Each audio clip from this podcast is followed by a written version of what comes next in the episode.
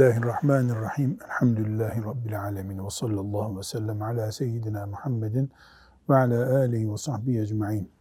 Sözde durmak, vefakar olmak, vaadini yerine getirmekle alakalı hadis-i şerifler var. Nebevi rahmetullahi aleyh onları buraya koymuş. Ee, Müslümanla alakalı ahlakı belirleyen kurallardan birisi. Sözünde durur Müslüman. Vaadini yerine getirir Müslüman. Önce ayetler var. Bu ayetleri İsra suresinin 34. ayetinden okuyalım.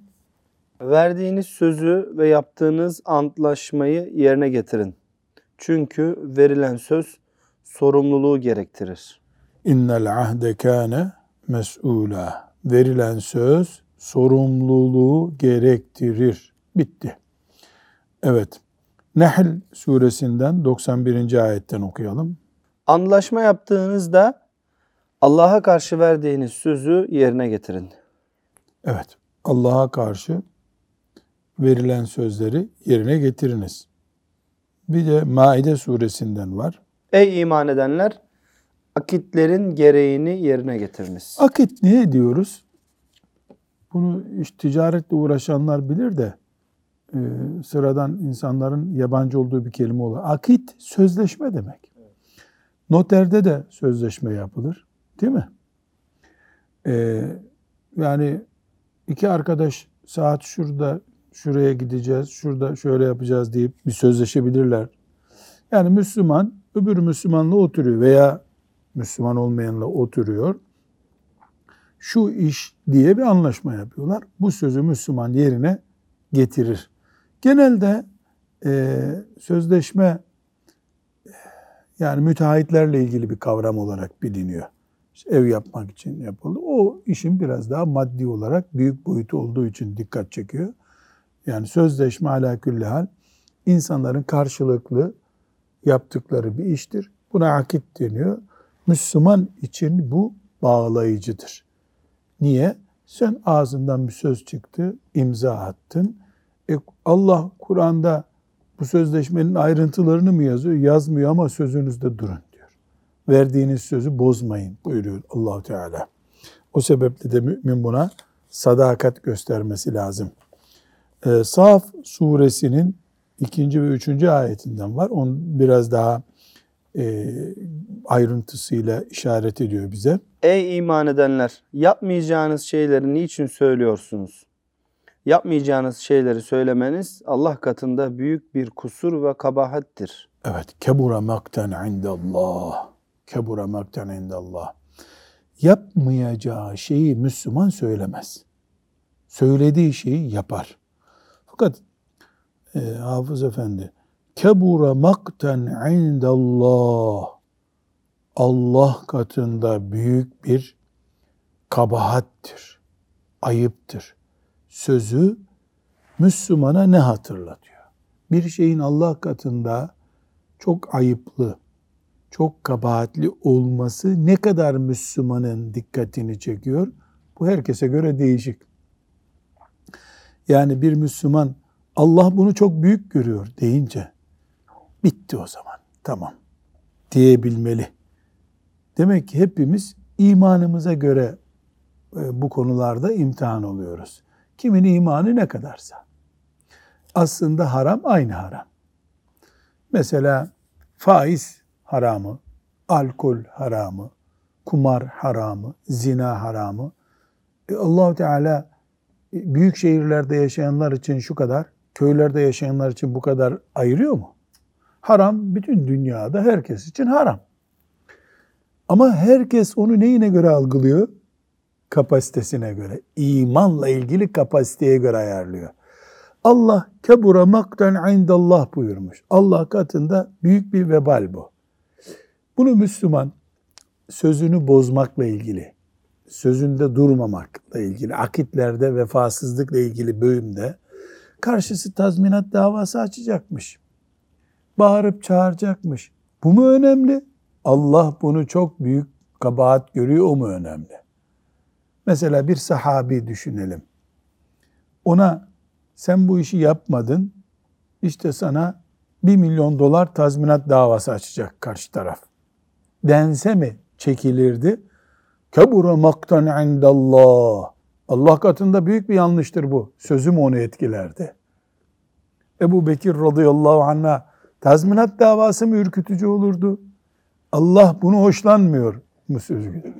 Bu herkesin imanı kaç gramdır? Hiç lafa, lamacime gerek yok denir ya. Yani hiçbir şeye gerek yok. İmanın ne kadar senin? Hatta Allah katında büyük bir vebaldir denmedi diyelim de dendi ki Allah bunu size yakıştırmıyor. O bile yeterli olmalı mümin için. Evet şimdi 690. hadisi şerif var. Çok e, önemli, mühim bir hadis-i şerif.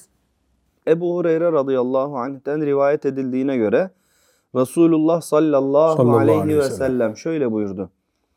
Münafığın alameti üçtür. Münafığın alamet. Alamet işaret. Konuşunca yalan söyler. Bir. Söz verince sözünde durmaz. iki Kendisine bir şey emanet edilince hıyanet eder. Emin adam değil. Müslim'in bir rivayetinde şu ilave vardır. Oruç tutsa, namaz kılsa, Müslüman olduğunu söylese de böyledir. Böyledir bu iş. Velev ki oruç tutsun. Çünkü oruç başka bir şey. Yalan başka bir şey. Yalan ne yapıyor? Orucu da kemiriyor aslında. Namazı da kemiriyor. Tıpkı ne gibi?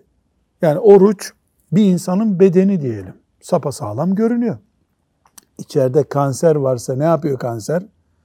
İçeriden içeriden kemiriyor.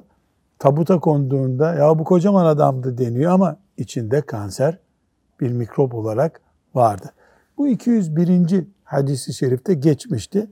Tekrar e, burada vakit vermeyelim ona. Ama 691. hadisi şerif bunun bir benzeri.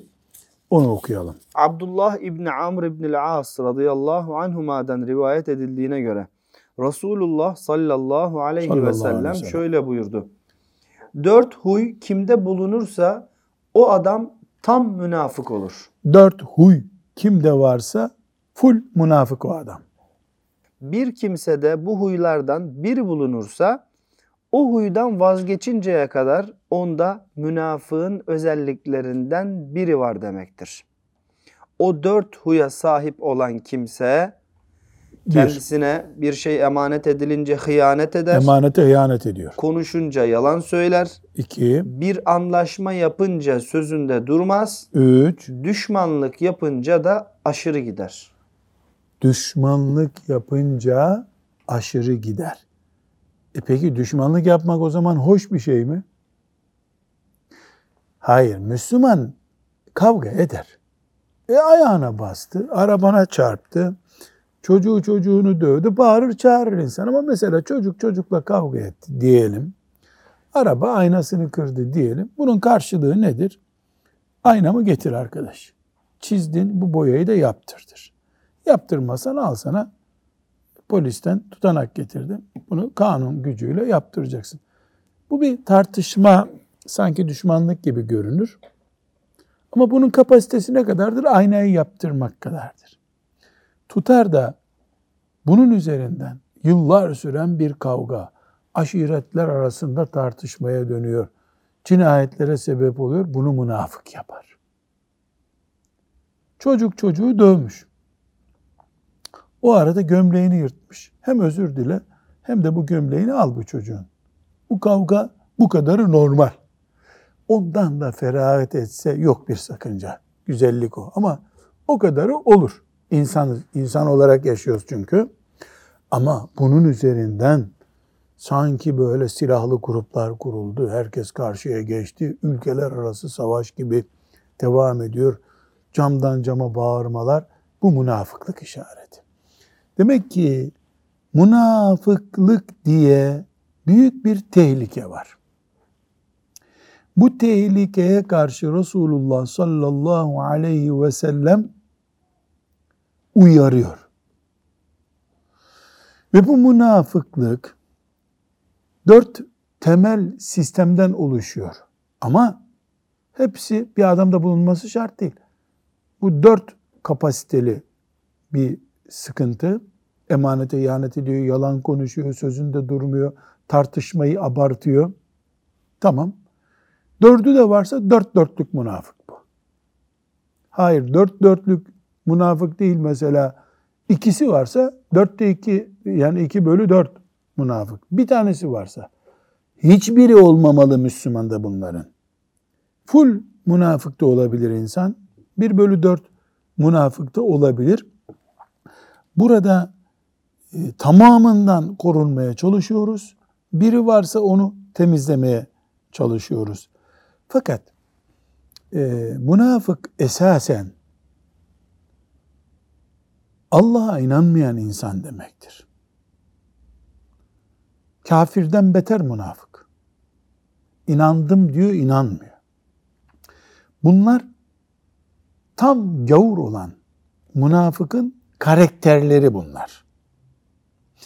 Bunlardan biri Müslüman bulunabilir. Ama Müslüman esasen imanı sağlam adam olduğu için onda hastalık belirtisi olarak vardır ama gavur değildir.